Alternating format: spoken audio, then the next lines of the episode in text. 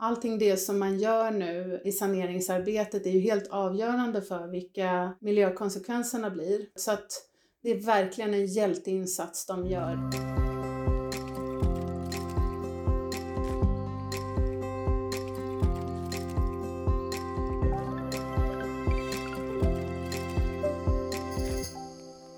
Oljeutsläppet i Blekinge skärgård har ju fått förödande konsekvenser har vi sett på stränder och fåglarna. Men vad händer med ekosystemet i stort och vilka är miljöeffekterna? Den som har svar på det är Maria Granberg, forskare på Svenska miljöinstitutet, IVL. Och vi som håller i trådarna är Nikita Seilot och Palle Liljebäck. Det här är Naturvetarpodden.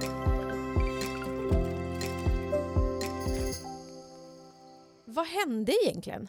Ja, det som har hänt i Pukaviksbukten då, det är ju att ett eh, fartyg som heter Marco Polo, som är en färja, har eh, gått på grund och sen eh, fortsatt i ganska hög fart in på ett annat grund och fastnat där. Då när den har gått på grund så har, den ju, så har det rivits upp ett stort hål i skrovet så att det har läckt ut en massa olja och den oljan har då drivit in i Pukaviksbukten som är liksom en liten minidel av Hanöbukten kan man säga, på Blekinges kust. Och hur vanligt är det med oljeutsläpp av det här slaget? Det finns eh, statistik på att i världen så sker det ungefär nu för tiden sex utsläpp om året. Och det kan variera lite, det är ett medelvärde som man har räknat ut över en period på tio år, så det kan variera lite både uppåt och neråt. Det gäller då utsläpp som har skett som är större än 7 ton. Och i det här fallet var det, var det 60 ton eller vad var det? Nej, man räknar med att det kan vara så mycket som 150 ton som har läckt ut. Åh oh, herregud. Oj, oj, oj. Men det där som du sa, sex stycken oljeutsläpp per år i hela världen, det låter inte säkert mycket ändå. Jag hade tippat betydligt fler faktiskt. Ja, det är ju alltså utsläpp som är över 7 ton. Så det sker ju många flera mindre utsläpp som man inte har med i den statistiken helt enkelt. Och effekterna de kan ju bli hur katastrofala som helst egentligen. Vi har ju sett här med eh, tjockolja som har kletat sig fast på, både på stränder och fjädrarna på fåglar. Det i sig gillar nog, men det värre kanske är vad som händer under vattenytan. Ja, det är ju en väldigt jobbig olja det här som har läckt ut. Den är ju väldigt kletig så att den, man kan säga att den egentligen har två effekter. Den är både kletig då, så den kan kladda ner och lägga sig som ett täcke i grunda vikar och helt enkelt kväva det liv som är under. Eh, men sen så innehåller den ju också miljögifter, så den innehåller både tungmetaller och eh, även polycykliska aromatiska kolväten som har en giftverkan. Och den giftverkan den kan både vara direkt och sen så kan den ju ligga kvar i miljön under en längre tid. Tungmetallerna bryts ju aldrig ner, de bara cirkulerar medan de här andra ämnena kan ju brytas ner under rätt förhållanden då, men det tar lång tid. Och vad gör man då? Alltså, man har ju sett bilder i media om hur man tvättar svanar och fåglar och allt sånt. Vad skulle hända om vi inte tog hand om, om de djur vi kunde? Ja, om man inte tog hand om någonting av oljeutsläppet, ja då får det ju förödande konsekvenser. Alltså att både att eh, organismer dör direkt av att de kvävs Eh, och det är ju allting då, alltså fåglarna är ju en sak, men allt det andra livet det, det kvävs ju helt enkelt av oljan. Sen så kan de ju förgiftas helt enkelt av olika de olika ämnena som finns i oljan. Så det är klart, det påverkar ju ekosystemen. Det är ju en omfattande ekosystempåverkan kan man säga. Så de här oljesanerarna som man ser ute och eh, med gripar och spadar och allt vad det är för någonting som de försöker plocka upp den här oljan, de gör egentligen då hjälteinsatser. Ja, absolut. Allting det som man gör nu i saneringsarbetet är ju helt avgörande för vilka miljökonsekvenserna blir eh, i det här området. Så att det är verkligen en hjälteinsats de gör. Eh, och det är ju ett väldigt viktigt moment i hela ja, i hela processen kan man säga. För det som man gör nu, det påverkar ju ekosystemen långt framåt och, och miljögiftshalterna i, i miljön och organismer. Så den oljan man får bort, det är så viktigt att man får bort den. Och hur gör man det? Alltså rent praktiskt, hur tar man bort olja på vatten?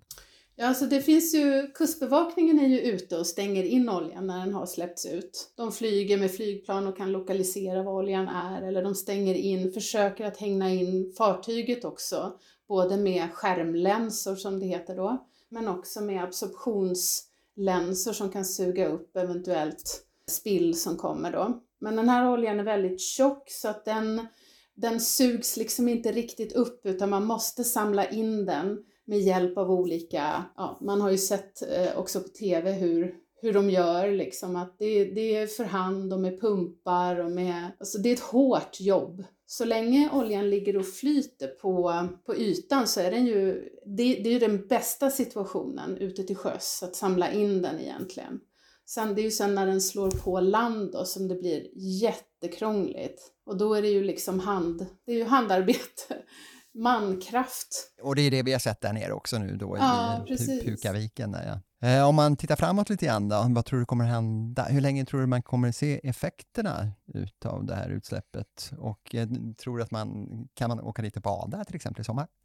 Det är svårt att säga hur en sån här olycka kommer att utvecklas eftersom man, man, verkar, man har ju inte fått in all olja på land ännu. Eh, utan det som har hänt med oljan är ju att en stor del av den har sjunkit och eh, den kan ju slå på land i omgångar efteråt eller så kan den bli, bli kvar på havsbottnen eller transporteras med strömmar till något helt annat ställe. Så att det är lite svårt att, att bedöma effekterna just nu eftersom vi inte vet om hela spillet har kommit upp på land ännu. Men så som det ser ut just nu så är det ju vissa vikar som är och vissa stränder som är väldigt hårt drabbade av oljespillet där, där man kommer att hålla på och sanera länge. Och man kan ju heller inte sanera allting för att man vill ju ha en, någon typ av balans mellan hur mycket man påverkar ekosystemen av bara saneringen och hur mycket oljan påverkar. Så man vill inte ha bort allting. Men kan man säga att det liksom är alla organismer som påverkas? Eller är det några som drabbas speciellt hårt? Jag tänker på till exempel ålgräset, det man brukar beskriva då som en barnkammare för, för eh, djurlivet där nere på botten. Det här området som oljan har kommit in i har ju höga naturvärden. Dels så har man ju då eh, de här ålgräsängarna, men man har också områden som är ehm, platser för ehm, sillens rekrytering till exempel. Sillen är ju sån att den kommer in på grunda områden och lägger sina ägg och då kräver den en viss miljö. Det är stenrev med, med tång och ett rikt eh, djurliv i det här området. Här kan man ju tänka sig att organismer som kan flytta på sig, de kommer inte drabbas lika hårt som de som sitter fast. Så um, bottenfauna drabbas ju ofta ganska hårt eh, av, av en, ett oljespill och eh, de, de gör det under en längre tid. Så först har man den där nerkletande effekten då som påverkar musslor och sådär så att de helt enkelt dör och kan försvinna. Men eh, giftverkan som finns kvar när oljan kanske inte syns längre men gifterna finns kvar i systemet, i sedimentet och sådär eh, så kommer ju bottenfaunan fortsätta att påverkas. Och eh, de är ju föda för fisk och fåglar och sådär så att den långtidseffekten kommer ju kunna finnas kvar i det här området. Så det är ju liksom en hel, helkroppsupplevelse för ekosystemet egentligen, en sån här, ett sånt här spill. Så de här tungmetallerna skulle kunna anrikas då i eh, näringskedjorna och komma upp ända upp i eh, eh, rovfåglar och annat? Ja, alltså tungmetallhalterna är kanske inte de högsta i, i oljan eh, jämfört med de här polycykliska aromatiska kolvätena då, eller PAH eller PAC som man ibland... Det är ju en väldigt stor grupp av organiska miljögifter som finns i lite större mängd. De kan ju finnas i mellan 3 och 18 procent av oljan kan utgöras av de här. Så att om man har ett spill på 150 kubikmeter så kan det vara allt från 4 ton upp till 27 ton av de här giftiga, giftiga ämnena som släpps ut i ett sådant område från den här typen av olja. Så att man tänker ju ofta på det här svarta kletiga som det stora problemet men Egentligen så är det ju ett jättestort miljögiftsutsläpp man har haft i det här området som man inte ser. Har all olja lokaliserats? Man, man kör ju sådana modeller. Eh, SMHI har ju väldigt bra modeller för att prediktera vart oljan tar vägen. De modellerna är ju som allra bäst i början av ett spill för att då vet man oljans beskaffenhet, man, man har sett var den finns någonstans och då kan man lättare förutsäga var den kommer hamna. När det har gått så här lång tid så är det väldigt svårt att veta faktiskt var den finns någonstans. Så en del har ju kommit på stranden och så tror man ju att det ligger en hel del på botten. För oljan gör så att den suger åt sig vatten med tiden och då sjunker den också till botten. Och där kan den ju ta upp partiklar och så, så att den får helt andra egenskaper än vad den hade från början. Så det skulle kunna dyka upp lite tråkiga överraskningar ganska långt in i framtiden, låter det som? Ja, det skulle man kunna få. Vi ser ju det här, jag sitter ju på västkusten och vi ser ju ofta, eh, vi har ju ganska mycket oljespill här eftersom det finns en sån bunkringsstation vid Skagen.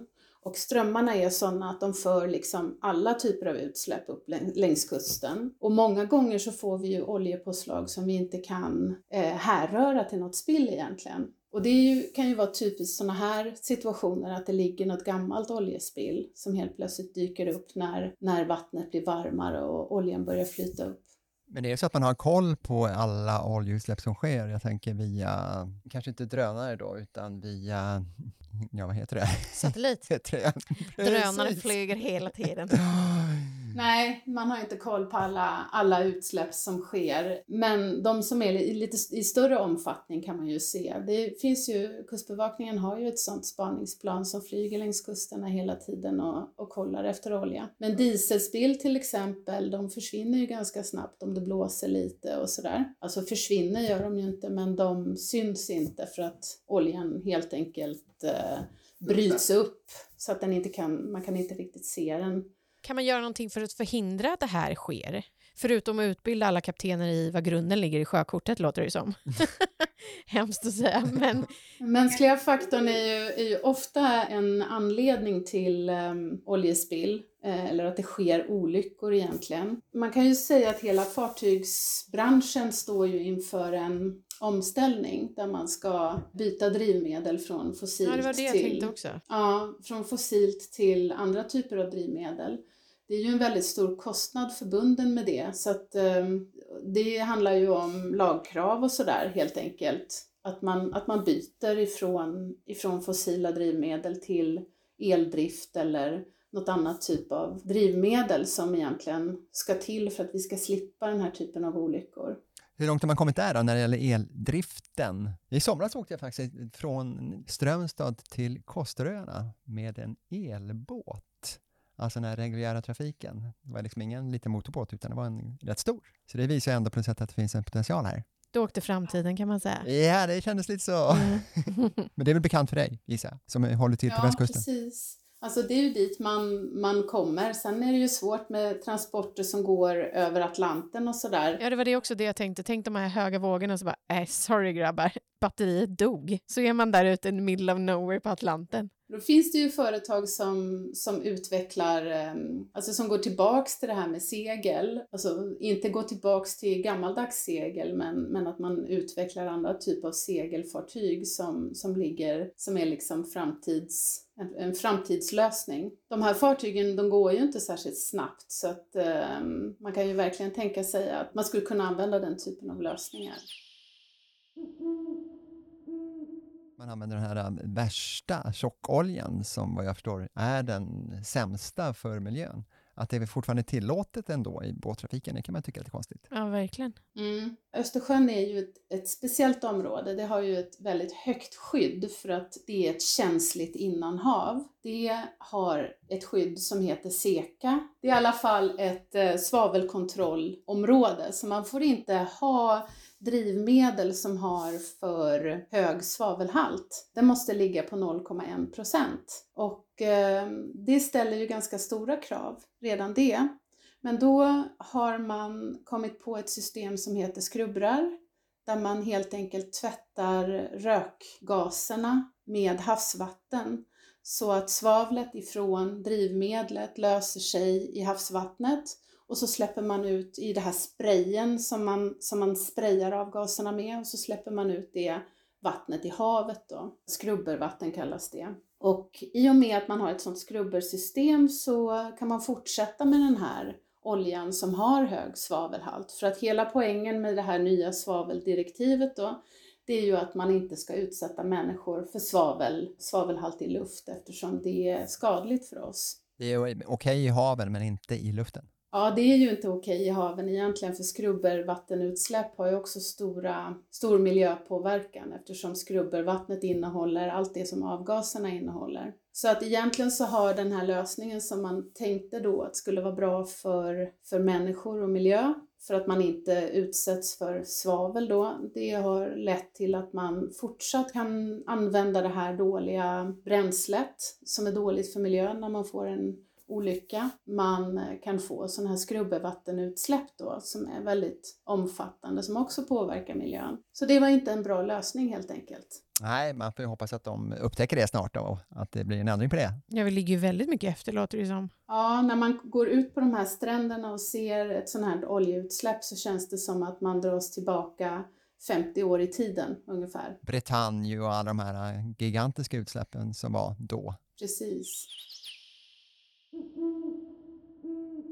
De som eh, förorenar, kan de ställas till svars? Ja, de som förorenar kan ju ställas till svars på det viset att eh, det, det, är ju flera faser i, i en sån här olycka. Dels är det saneringsfasen och alla kostnader omkring det, men sen så finns det ju också effekterna på miljön och då är det ju så att de här företagen eh, eller rederierna har ju, de har ju försäkringsbolag och så, så att eh, de ställs till svars på det viset att de får eh, helt enkelt eh, betala för eh, kostnaderna som en sån här olycka innebär för en kommun och för, för miljön egentligen.